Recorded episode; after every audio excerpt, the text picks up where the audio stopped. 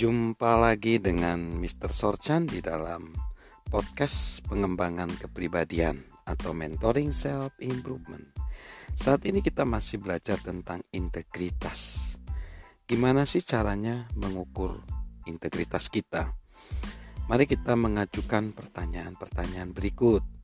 Yang pertama, seberapa baik saya memperlakukan orang yang tidak memberi saya keuntungan apa pun? Dua, apakah saya terbuka dan mudah dipahami orang? Tiga, apakah sikap dan kepribadian saya terus berubah-ubah tergantung siapa yang saya hadapi? Empat, apakah kepribadian saya tetap sama baik di depan orang lain maupun ketika sedang sendirian? Lima, apakah saya dengan cepat mengaku salah tanpa harus dipaksa melakukannya? Enam, apakah saya mendahulukan kepentingan orang lain di atas agenda pribadi saya? 7.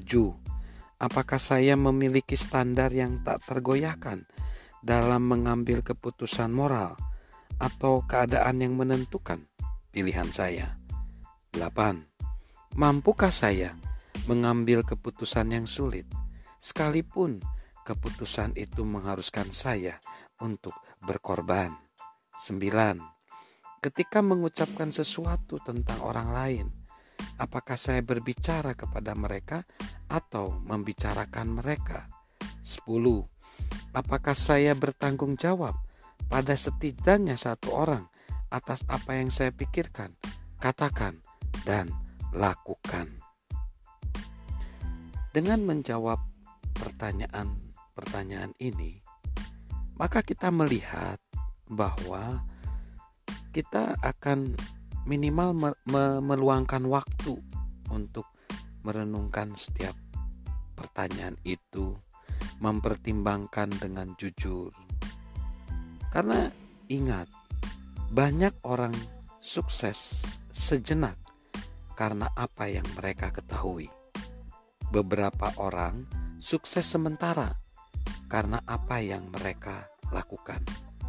Tetapi segelintir orang sukses selamanya karena jati diri mereka yang sesungguhnya. Saya ulangi, banyak orang sukses sejenak karena apa yang mereka ketahui. Beberapa orang sukses sementara karena apa yang mereka lakukan. Tetapi segelintir orang sukses selamanya karena jati diri mereka yang sesungguhnya.